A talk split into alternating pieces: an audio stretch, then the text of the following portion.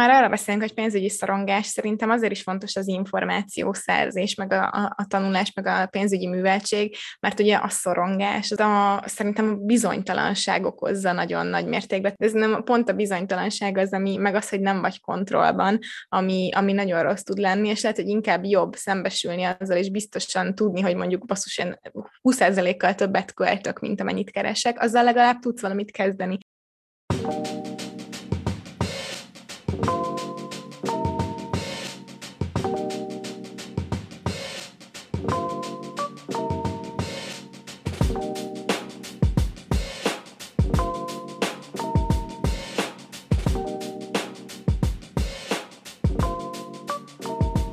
Sziasztok, kedves Nem azért, de podcast hallgatók, én Eszti vagyok. Én pedig Eszter vagyok, és ma, hát mondanám, hogy egy nagyon izgalmas témáról fogunk beszélni megint, ami így is van, ugyanis a, a pénzügyi szorongás és a pénz okozta stresszt és az annak kiváltó okairól, illetve esetleges megoldásokról fogunk ma beszélgetni. Éreztük, hogy ez egy elég aktuális téma, és uh, szerintem mindenkit érint, engem biztosan.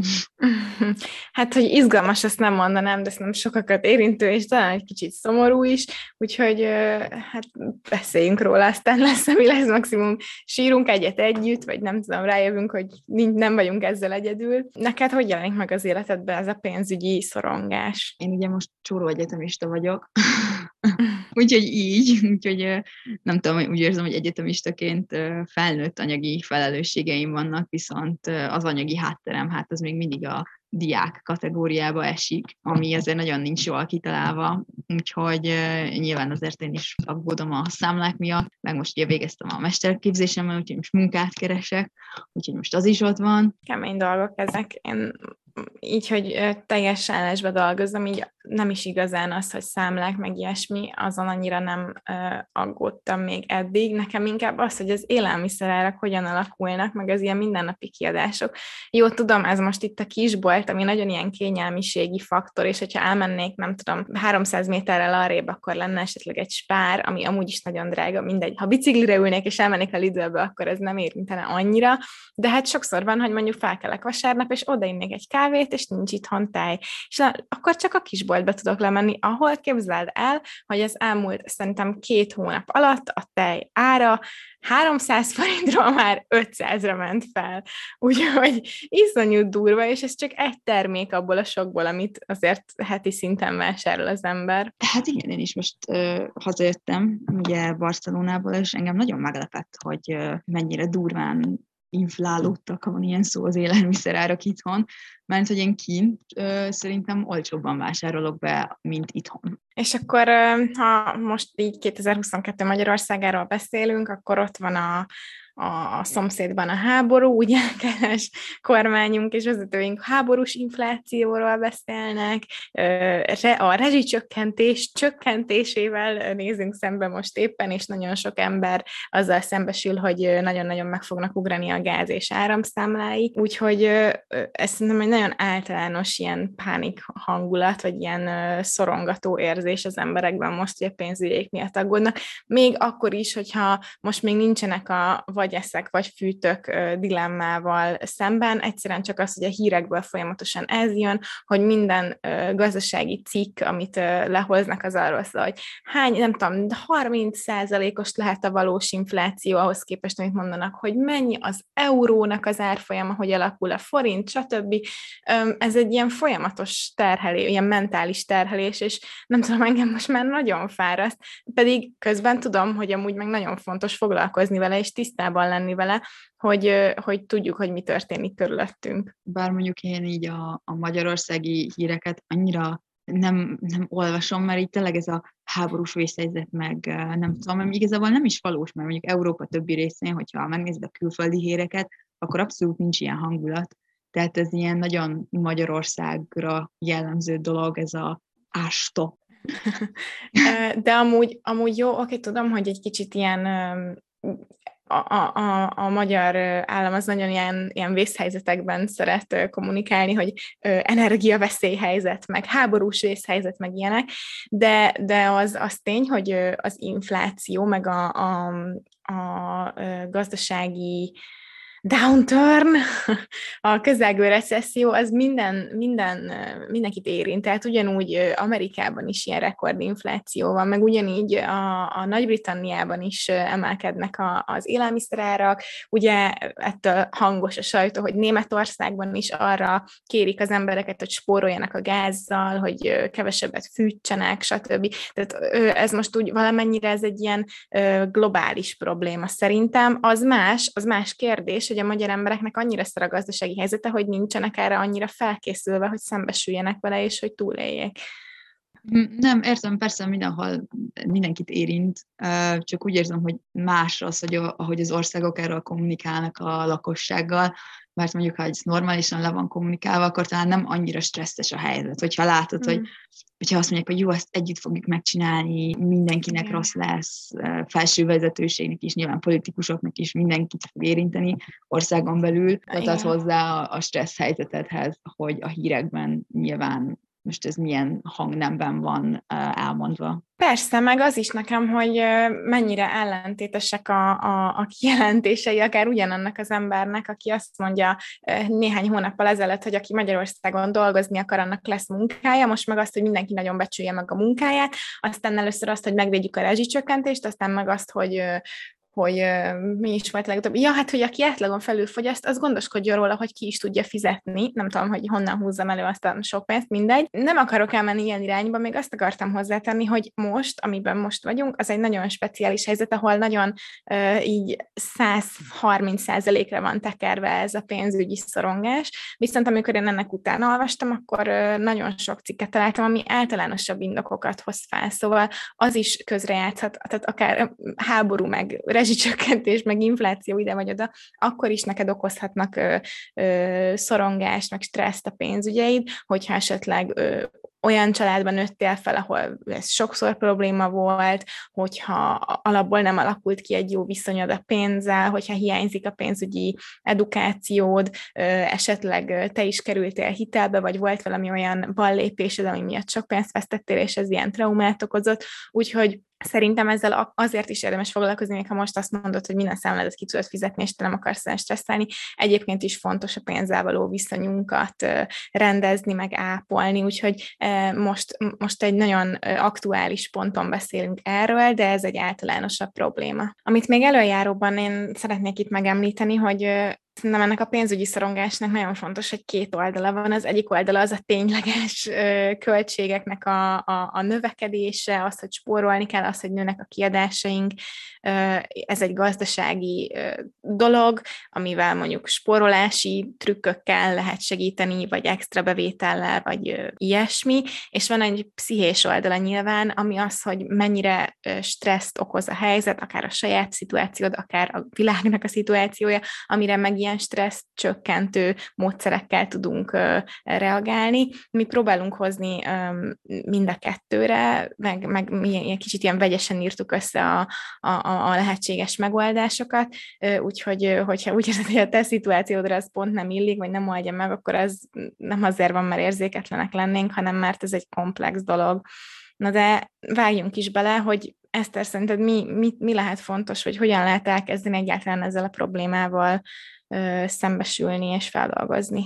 Mindenképpen fontos, hogy tudatosak legyünk a pénzügyeinkkel, amihez nyilván az is hozzájárul, hogy ismerjük ezeket a dolgokat. Elég szükséges lenne, de hogy így a mindennapi életben, vagy mondjuk így iskolában ezt nem tanították soha, hogy hogy fizessünk adót, vagy hogy milyen adórendszerben érdemes nekünk benn lenni. Most ugye nyilván a katás törvények változásával is azt tapasztalom, hogy nagyon sokan nem is tudják, hogy eh, milyen más adórendszerek léteznek Magyarországon, tehát így, így az ilyen nagy változásoknál jön nagyon jól az, hogy igenis ismered a, a, a pénzügyi hátterét egy országnak, vagy a saját, vagy saját magadnak. És, és én nagyon sokszor úgy érzem, hogy ezek az alapok hiányoznak. Hát ugye nem tanítják, de nem csak itthon nem tanítják, hanem szerintem világszinten nem. Nincs ez ilyen iskolai tananyagban, ami szerintem tök fontos lenne.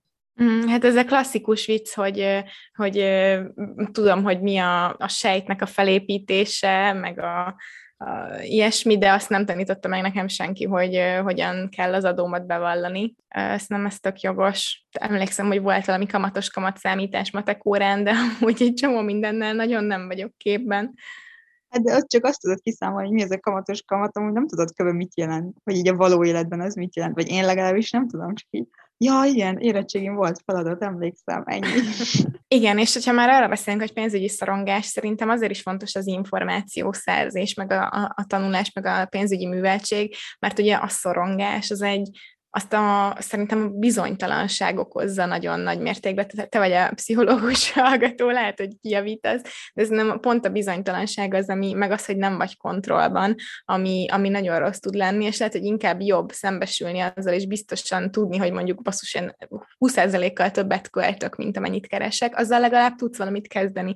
De az, hogy fogalmat sincs, hogy mi történik körülötted, csak érzed ezt a nagy nyomást, az biztos, hogy nem segít. Találtam egy kutatást, 2021-es, és az OE OECD, az Organization for Economic Cooperation and Development készítette, 26 országból 125 ezer embert kérdeztek meg a pénzügyi szokásaikról. Például, hogy mennyire tud az alany felépülni pénzügyi visszaesésekből, rendelkezik-e tartalékokkal, okoz-e számára stresszt a fizetés, költekezés, a, a, az, az összes kérdésen maximum 60 pontot lehetett elérni. Magyarország ebből 12,3 szedett össze a, a, ebben a pénzügyi műveltséget mérő komplex felmérésben. Ez elég szarul hangzik, annyira nem rossz, mert a világ átlag is 12,7, de azért a, az átlagtól egy picikét elmaradunk. Mi magyarok nehezen spórolunk, nehezen tartalékolunk hosszú távra, szeretünk költekezni, de nem vezetjük a pénzügyeinket, nem készítünk pénzügyi terveket, nem figyeljük a kiadásainkat, és hozzá hasonlóan sokan nem tudják elmagyarázni, mi az egyszerű vagy a kamatos kamat, nagyon sokan nem rendelkeznek befektetésekkel, és hogyha van is megtakarításuk, akkor ez úgy alakul ki, hogy így véletlenszerűen volt többletbevételük, nem pedig tudatos tervezésnek az eredményeként. Hát ezek elég elkeserítő dolgok, de legalább tudjuk, hogy mind lehet fejleszteni, úgyhogy ha te is, vagy hogyha a hallgatók is úgy érzik, hogy szeretnék jobban kontrollban érezni magukat, akkor szerintem nagyon fontos fejleszteni a pénzügyi ismereteket, tudni egyáltalán, hogy milyen befektetési lehetőségek vannak, hogy mi az az értékpapíra, a részvény, az osztalék, stb. Hogy egyáltalán hogyan tudnak magukról előre gondoskodni, nyugdíj megtakarításokkal, hogyan számoljanak, vagy akár csak annyit, hogy csinálni egy részletes költségvetést, és ez ugye budgeting, és akkor leírni, hogy mi mennyi jön be, mennyi megy ki, hol lehet ezen csökkenteni. És most ezt nagyon úgy mondom, mint hogyha én itt ülnék a magaslóról, és aztán nem azért ezt én se szoktam megcsinálni, és amiket elmondtam, én sem vagyok vele tisztában, úgyhogy ha más nem, akkor ez az epizód is egy löket lesz, hogy végre leüljek és foglalkozzak vele, de mint sokan mások, én is tök szorongok emiatt, és nem akarok vele foglalkozni, úgyhogy muszáj lesz, csináljuk együtt. Én amúgy izét szoktam írni ilyen havi kiadást, tehát meg, megtartom általában a blokkokat, meg még régen hallgattam valami tett alkot, ahol, ahol arról beszélt a, nem tudom, valaki, mindegy, majd megkeresem, belinkeljük, hogy azért spórolunk nehezen, mert hogy meg így előre, tudod, így mondjuk több tíz év távlatában, mert hogy nem látjuk magunkat abban a helyzetben. Tehát annyira távoli jövő az, hogy nem tudjuk elképzelni, hogy az, az hogy lehetséges, és akkor így nem gondolunk a jövőbeli énünkre, és akkor nem spórolunk annyit nyilván, hanem megpróbáljuk inkább a jelent kihasználni, amivel nincs is semmi baj, mert nyilván nehogy azért mondj valami programot, vagy nem tudom, kirándulást, vagy haverokkal valamit, mert mondjuk neked spórolni kell a nyugdíjra, nyilván valami balancet, meg aranyközéputat is meg kell találni. Akartam mondani erre a dologra, hogy amit így mondtál, hogy, hogy ennyire rosszul teljesítünk ilyen anyagi hely, vagy ilyen anyagi tudásokban, hogy nem nagyon beszélünk a pénzről. Mm. De tök tabu téma legalábbis. Én így gyerekként úgy emlékszem, hogy így körülöttem senki nem beszélt ilyenekről, vagy hogyha megkérdeztem, itt ilyen általános iskolában valakit, hogy akkor ez mennyi, meg mennyi, akkor így azt mondták, hogy ezt nem szabad. Hát ez illetlenség. Igen, igen, igen ami nem tudom, tök rossz, mert így a szexualitásról is körülbelül ennyit beszélünk, mint a pénzügyekről meg, meg sokszor a szülők is hozzájárulhatnak ehhez az anyagi szorongáshoz, hiszen hogyha körülötted nem beszélnek a pénzről, vagy mondjuk azt látod a szüleiden, hogy mondjuk ők is szoronganak a, a pénzügyeiktől, amikor költenek, meg kiadások vannak, meg ilyenek, meg nem tudják, hogy kezelni, akkor te mégis hogy tudnád ezt megtanulni, meg most nyilván akkor rossz példát fogsz átvenni, és nem, nem biztos, hogy a szüleidet kell hibázni, hiszen nekik, nekik sem tanította meg senki, hogy, hogy, hogy, hogy spóroljanak, hogy legyen befektetésük, mibe fektessenek be egyáltalán. És, és olvastam egy tanulmányt, jó, mondjuk ez egy 2010, vagy 2012-es tanulmány, de hogy a házastársak 43%-a amerikai tanulmány, de nem beszélnek, tehát nem tudják, hogy mennyit keres a másik, ennyire nem beszélünk pénzügyekről, és akkor mégis hogy tervezd egy háztartást, meg annak jövőjét, hogyha fogalmad nincs, hogy a másik mennyit keres, és egy másik statisztika meg azt mondja, hogy pedig a vállások nagy része, vagy nagy részéhez az is hozzájárul, hogy nem beszélünk az anyagiakról, és ilyen pénzügyi vitáink vannak. Amúgy ez brutál. Nagyon durva, nagyon durva. Én is ismerek olyat amúgy a személyes körömben, akik már mint olyan 20 éves házasok, és fogalmuk nincs, mennyit keres a másik. Nem, nem, már én ezt nem hiszem el. De, és akkor a, a férj hazaállított egy új autóval, de és uh-huh. akkor így a felesége megnézett, hogy hazeg, hát honnan jött ez a pénz, hogy tudod, semmi hitel, ezért csak így megvette zsebből, na mindegy. Úristen, nem értem, nekem ezzel több problémám is van, például egy autóvásárlás előtt nem beszélsz az élettársaddal? Ez nem hát, egy közös döntés? Hát figyelj, hogyha nincs, ha már lassan 20 éve nincsen közös izér, most nem azt mondom, hogy mindenet közös legyen, közös számla, meg ilyenek, Nyilván én is szeretném megtartani a, a saját bankkártyámat, de hogy azért legyen egy közös számla a háztartásra, meg szerintem az, az alap, de hát úgy tűnik, hogy hát, sokaknál nem. Igen, meg azért 20 év házasság után nem, nem, nem tudom, nekem az furcsa, hogy 20 éve ö, vagyunk ö, házasok, és ö, ö, nem azt mondom, hogy be, bele kell, hogy, hogy hozzá kell, hogy férjek a másiknak a számlájához, de azért nagyságrendileg azért csak tudnám, hogy mennyi, mennyi az annyi amikor közösen van házunk, akár gyerekünk, akár bármi ilyesmi. Tehát nem, nem tudom, nekem ez abszurd. De egyébként így már hihetőnek tűnnek azok az amerikai filmek, amikor egyszer csak, nem tudom, amikor rejtegeti a férj, hogy őt kirúgták, és nem tűnik fel a nőnek, hogy amúgy nem megy be dolgozni, csak elmegy otthonra minden nap. Azt se értettem soha, de akkor ezek szerint tényleg lehetséges ilyen. Igen, nagyon furi, most nem nyilván a ismerős, vagy itt egy a közeli körünkben való emberek házasságát, remélem nem hallgatják amúgy, és nem jönnek rá, hogy róluk beszélek, akarom kritizálni, de hogy ez nekem is nagyon, nagyon furcsa, tehát abszolút nem ez lenne a, vagy hát én tuti nem ezt csinálnám, na mindegy, de hogy így a statisztika így, így ezt mutatja, és amúgy a másik nagy hátránya az egyén, tehát nem csak egyéni szinten jelenik meg a, a pénzügyi tabus, tabusításnak ez a beklesse, hanem uh, szociális szinten is, mert például a Google-nek nem is olyan régen, talán 2017-ben indult ellenük egy pereskedés, hogy ugyanazokban a pozíciókban őket sokkal kevesebb, kevésbé fizetik meg, mint a férfiakat, de így, így annyira nem beszélünk a pénzügyekről, hogy ez így el volt titkolva, és igazából egy ideig senki nem is tudta, vagy senkinek nem is tűnt fel. Um, szóval az, hogy nem beszélünk ezekről, eh, ahhoz is vezethet, hogy eh, igen, akkor így a nőket diszkriminálják ilyen szinten. Tökre egyetértek, ez nagyon durva ez a tabusítása a pénznek, és az, hogy akár munkahelyeken is az egy belső policy, hogy tilos neked beszélni arról, hogy mennyit keresel. Szerintem ez teljesen abszurd, mert egyértelműen ez, hogy nem beszélnek róla, ez, a, ez a, ki, az embereknek a kizsákmányolásához vezet, hiszen nyilván, hogyha nyitott, nyitva lenne a, a, a, a téma, és mindenki tudná, hogy mennyit keres a másik, akkor, akkor egyértelműen nem lehetne kihasználni, és akik rosszabbul tárgyal, annak kevesebbet adni. Szerintem ez szörnyű, ilyen eléggé magyaros dolog. Lehet, hogy máshol is így van, de szerintem nyugaton egyre inkább az a, az, az alapbeállítás, hogy bérsával együtt hirdetnek meg már egy állást, így sokkal több a nyitottság a pénzügyek felől is, és, és szerintem ez, hogy nem tudom, felesleges megtiltani, úgy is tudják egymás között az emberek, hogy mennyit keresnek, kivéve itt a Google-nél úgy tűnik, de, de szerintem tök sok belső feszültséget szít meg minden. De ez csak a munkahelyi része, szerintem nagyon fontos, hogy beszéljünk a pénzről, a családunkkal, a, a barátainkkal, akik hasonló tapasztalatokon mennek keresztül, és ugyanúgy mondjuk pályakezdők, vagy ugyanúgy munkakeresők, vagy ilyesmi, csak egyrészt azért is, hogy megosztuk ezeket a szorongásokat, egy kicsit ventiláljunk egymásnak, meg azért is, hogy, hogy tudjuk, hogy a mi szituációnk az mennyire egyedi, vagy mennyire gyakori, és akkor talán kevésbé tudnak minket kihasználni mások. Persze, tök jó az, hogyha van viszonyítási alapod, meg ilyenkor mm. mindig azt érzed, hogy soha nem vagy egyedül. Tehát a pénzügyekről beszélsz általában, hogyha valami problémád van, biztos vagyok benne, hogy találsz olyan embert az ismerősi körödben, akinek szintén hasonló problémája van.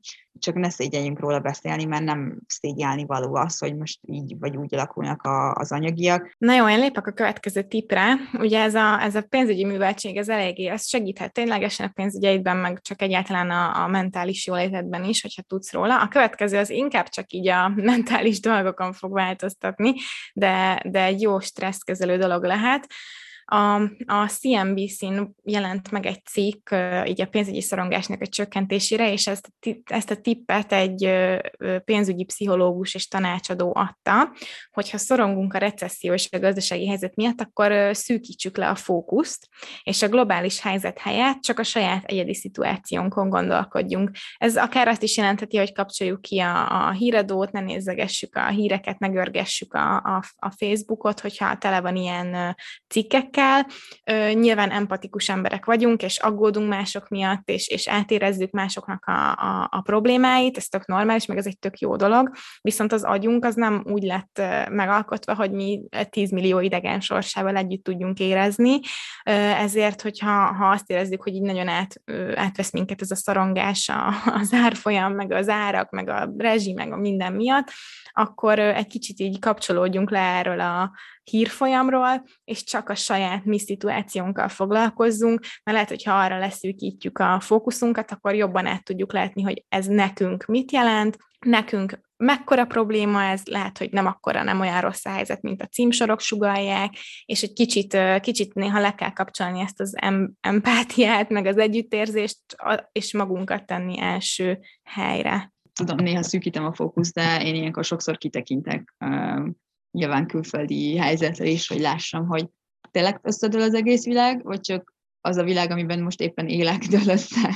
Mm, igen, ez is jó amikor ennyire rossz helyzet van, akkor néha magunkat kell tenni előre. És ugyanebb, ugyanebből következik a következő pont is, ez pedig az, hogy nyugodtan lehet nemet mondani olyanra, ami téged inkább szorongással tölt el. Ez, a, ez az Insta poszt, amit kitettem, a, és a kiinduló pontja volt a témának, az is erről szólt, hogy hogyha valamilyen esemény meghívó, inkább pénzügyi stresszt okoz, mint, mint örömet, meg, meg jó érzést, akkor arra nyugodtan lehet nemet mondani, főleg, ha már megfogadtad az előző pontokat, és beszélsz a pénzügyeidről, és nem tabusítjátok a pénzt a haverokkal, akkor nyugodtan lehet azt mondani, hogy ne haragudj, ez nekem most nem fér bele. Csináljunk valami olyat inkább, ami nem kerül pénzbe.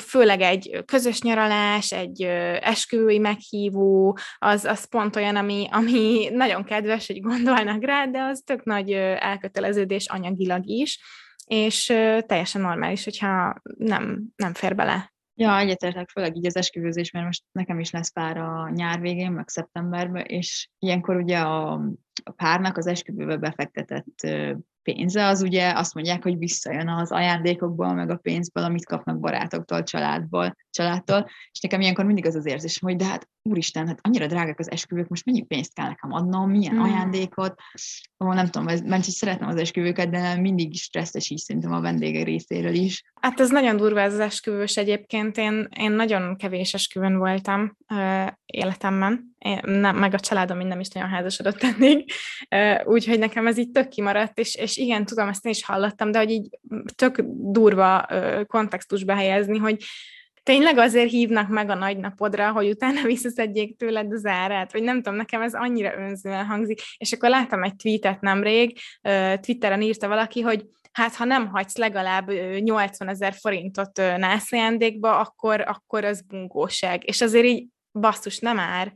Hát mi ugyanabban a világban élünk, mint, tehát hogy el, 80 ezer forintot elverni valakitől, aki esetleg, na, ha nem, ha nem a testvérem, vagy nagyon szűk rokonom, akkor, akkor én ezt nagyon, nem tudom, abszurdnak érzem. Nem, abszolút én is, mert hogy alapból, hogy jó, elmész az esküvőre, mondjuk veszel magadnak valami ruhát az esküvőre, ha már nincs, hmm. leutazol, vagy nem tudom, még a, ugye ott alvos, akkor sokszor neked kell fizetni a szállást. Még most nyilván szívesen ünneplek a boldog párral, meg tökre örülök, hogy meghívtak, mert tényleg ez az ő nagy napjuk, csak de akkor ez ne járjon nekem olyan anyagi elkötelezettséggel, ott vagy, és jól érezzük magunkat együtt, meg hogy valami, nyilván valami uh, szimbolikus ajándékot vagy pénzt adhatsz, az most megint más, de hogy ne az legyen, hogy úristen, nem hívjuk meg őket soha többet semmire, mert nem hagytak, hogy 80 ezer forintot. Yeah. Barátság vége, nem tudom. Ja, ez főleg akkor lehet nehéz, hogyha nagyon a baráti társaságban nagyon eltérő az anyagi helyzete az embereknek, de, de merjünk, nem merjünk róla beszélni, és, és nyíltan kimondani, hogyha most ez nem fér bele, vagy ilyesmi. Igen. De hát akkor már azt is mondjuk el, hogy milyen tippeket gyűjtöttünk el mi, Eszter, arra, hogy hogyan tudunk spórolni. Te hogyan tudsz spórolni? Ugye én már említettem az előbb, hogy én csinálok ilyen havi kiadás táblázatot Excelben, imádom a táblázatokat amúgy, ahol leírom, hogy a kajára, ilyen eating, meg drinking out, meg a ruhák, meg szépségápolás, meg számlák, meg lakás, meg ilyenek, tehát kategorizálom, nyilván ez mindenkinek más lehet, és akkor megnézem, hogy mennyi volt, meg mi az, amit el tudok hanyagolni, meg vissza tudok fogni esetleg. Úgyhogy nekem, nekem ez az egyetlen mm. tippem talán. És van egy ilyen profi táblázatod már erről? Aha, én csinálom magamnak. Igazából annyi, hogy odaírom a hónap, vagy excel a kis hónapra, vagy a tetejére a hónapot, mondjuk tudom én, augusztus, és akkor van egy jól bevált kategorizált izém, is majd igazából megmutathatom majd Instán. Hogy ilyen, hogy... ilyen sablon? Mert arra gondoltam, hogy, hogy a Google Sheet sablonokat azt így meg lehet osztani úgy, hogy nem tud más beleírni, csak lemásolni magának, és akkor akár meg is oszthatjuk ezt. Aha, persze, igazából én ezt én csináltam magamnak, nem volt ilyen, vagy nem használtam ilyen sablont, mert nyilván így, így személyre szabtam, hogy nekem melyik, melyek azok a kategóriák, amik, ö, amikre én a legtöbbet költök, de persze szívesen megosztom, meg ugye nekem sokba segít az, hogy mindig, mindig, amikor fizetek, megtartom a számlákat, tehát a blokkot, uh-huh. és akkor egy ilyen kis gyűjtődobozom, amiben ezeket bele tudom tenni, és akkor így, így általában, ha valamit nyilván nem írok fel egybe, mert azért én sem vagyok tökéletes, de így akkor a hónap végén vissza tudom keresni, hogy akkor mi is volt ez, amire költöttem, meg mire ment el így a pénz. Akkor uh, itt a promóció helye, kövessetek minket a Nem azért podcast Instagramon, ahol majd addig zaklatom Esztert, amíg fel, fel nem teszi a, a kis táblázatát. De jó nekem. Hát most mond.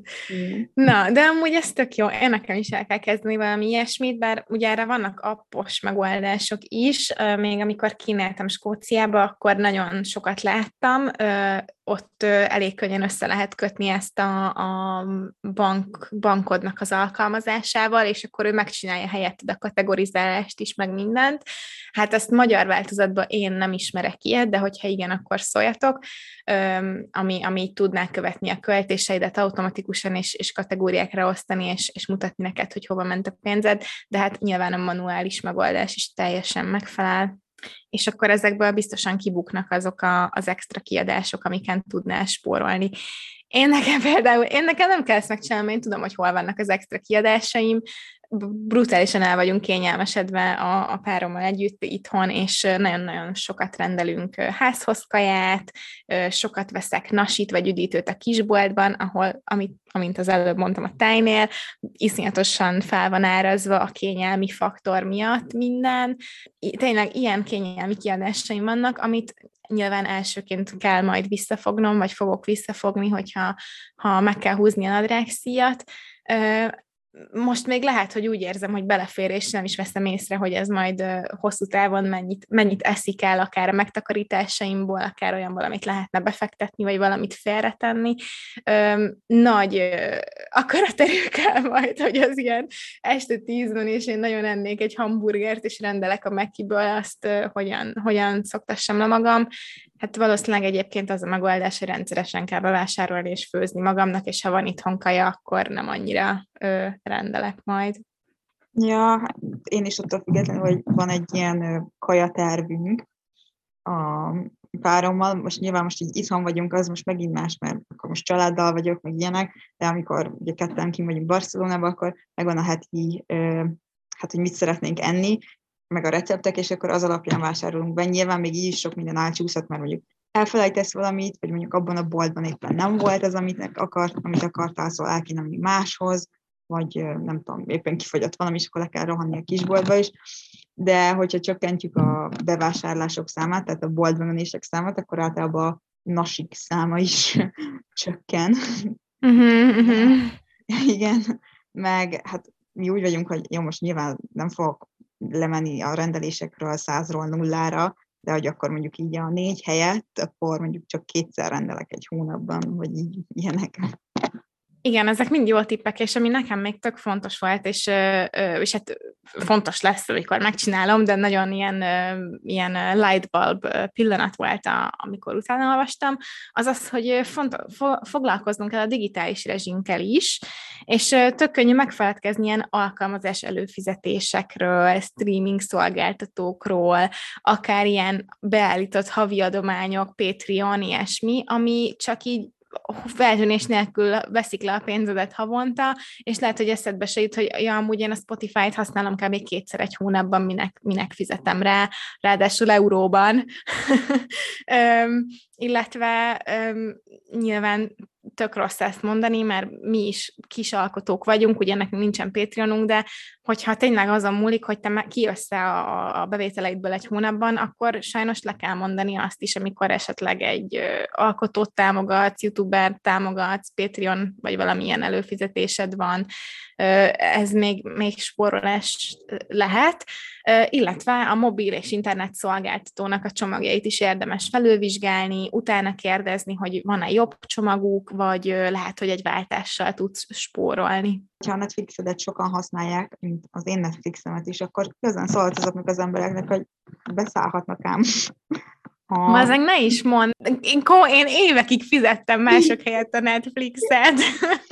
Tudod, mi jutott még eszembe, vagy például a bankomnál, én OTP-s vagyok, amúgy az itthoni kártyám, és SMS díjat nagyon sokat levon, meg kezelési költséget, meg ilyeneket. Szóval mondjuk, hogyha neked is be van állítva, vagy a minden kártyás vásárlásnál küld neked a kis OTP SMS-t, akkor azt nagyon gyorsan mond le, mert nekem ilyen havi több ezer, tehát én ezer-kétezer forintot le tud azért vonni. Hú, ez nagyon jó tipp. Én amúgy nem kapok a vásárlásnál, de ez eszembe se jutott volna, úgyhogy ez kis...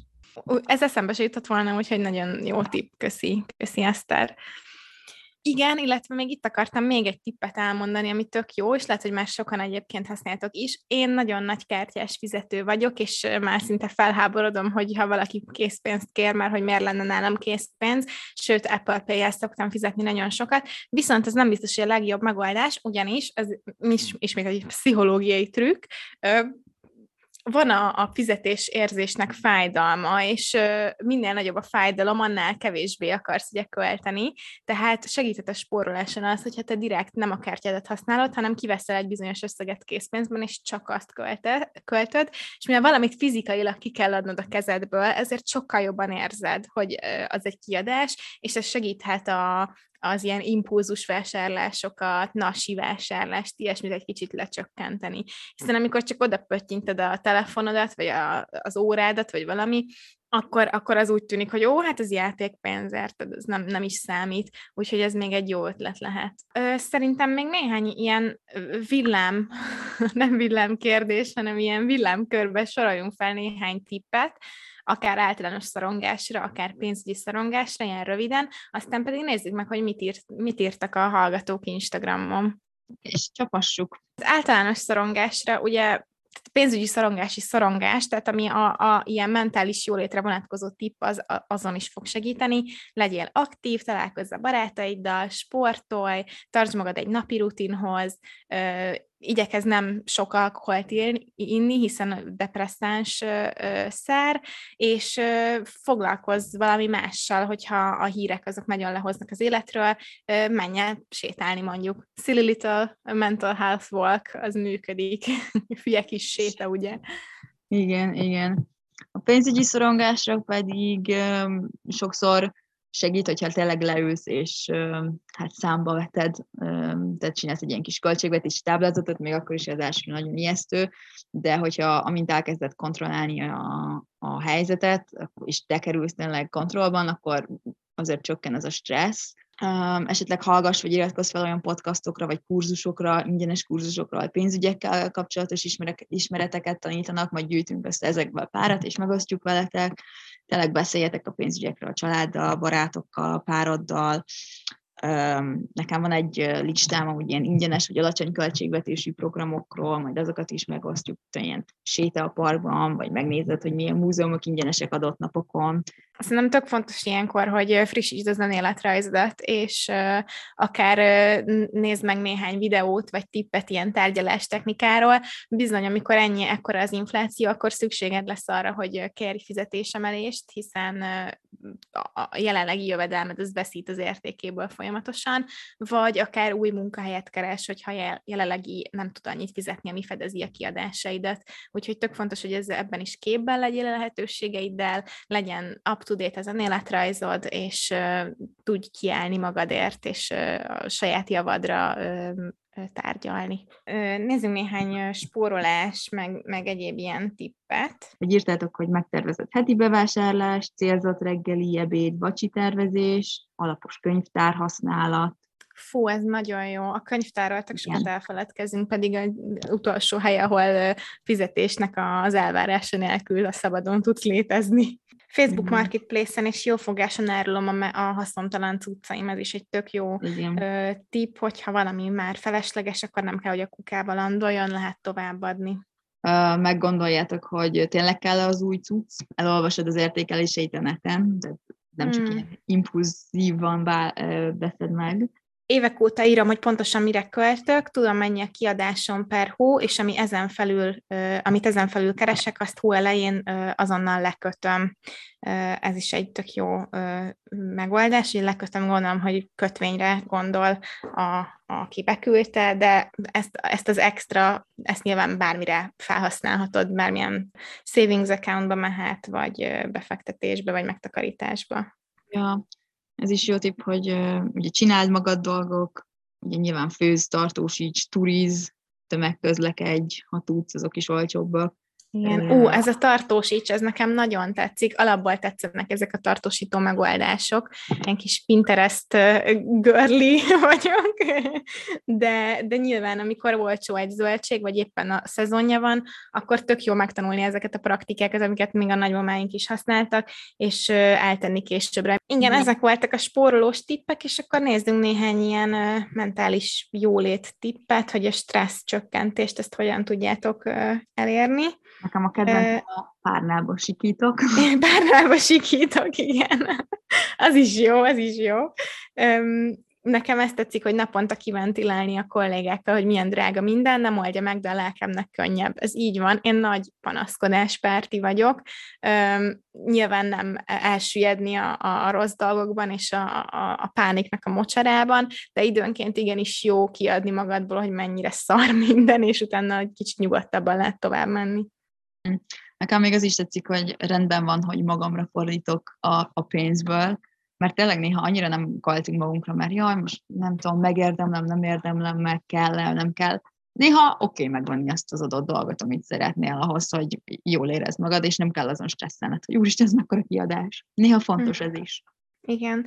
Azt írta egyik kötök, hogy ilyenkor is szokott adni pénzt hajléktalanoknak, rászorulóknak, meg általában is, de ilyenkor esetleg többet, és legalább úgy érzi, hogy nem csak kidobta az összes pénzét, hanem segített is valakinek. Tök jó dolog segíteni. Köszönjük a szuper tippeket, majd hétfőn megosztjuk őket az összeset Instagram sztoriba. Szerintük ebbe az epizódba ennyit fért most bele. Hogyha ti úgy gondoljátok, hogy valamit kihagytunk, vagy valamit szeretnétek még hozzáfűzni, akkor el tudtok minket érni a Nem Azért Podcast Instagram oldalon. Nyugodtan írjatok üzenetet, vagy kommentet posztok alá, illetve van egy kontaktformunk is a nemazertpodcast.com weblapunkon. Ott is nyugodtan lehet minket zaklatni. Hogyha úgy érztek, hogy megérdemeljük és szeretitek, amit csinálunk, akkor adjatok nekünk sok csillagot Spotify-on és szuper értékeléseket Apple Podcaston. Öltöző virágokat az öltözőinkbe lehet. Ja, így van, és ha elkap a pénzügyi szorongás, akkor tud, hogy ebben mindegyütt vagyunk, és majd lesz még ez jobb is. Így van. És hát köszönjük, hogy minket hallgattatok. Most is két hét múlva találkozunk. Sziasztok! Sziasztok!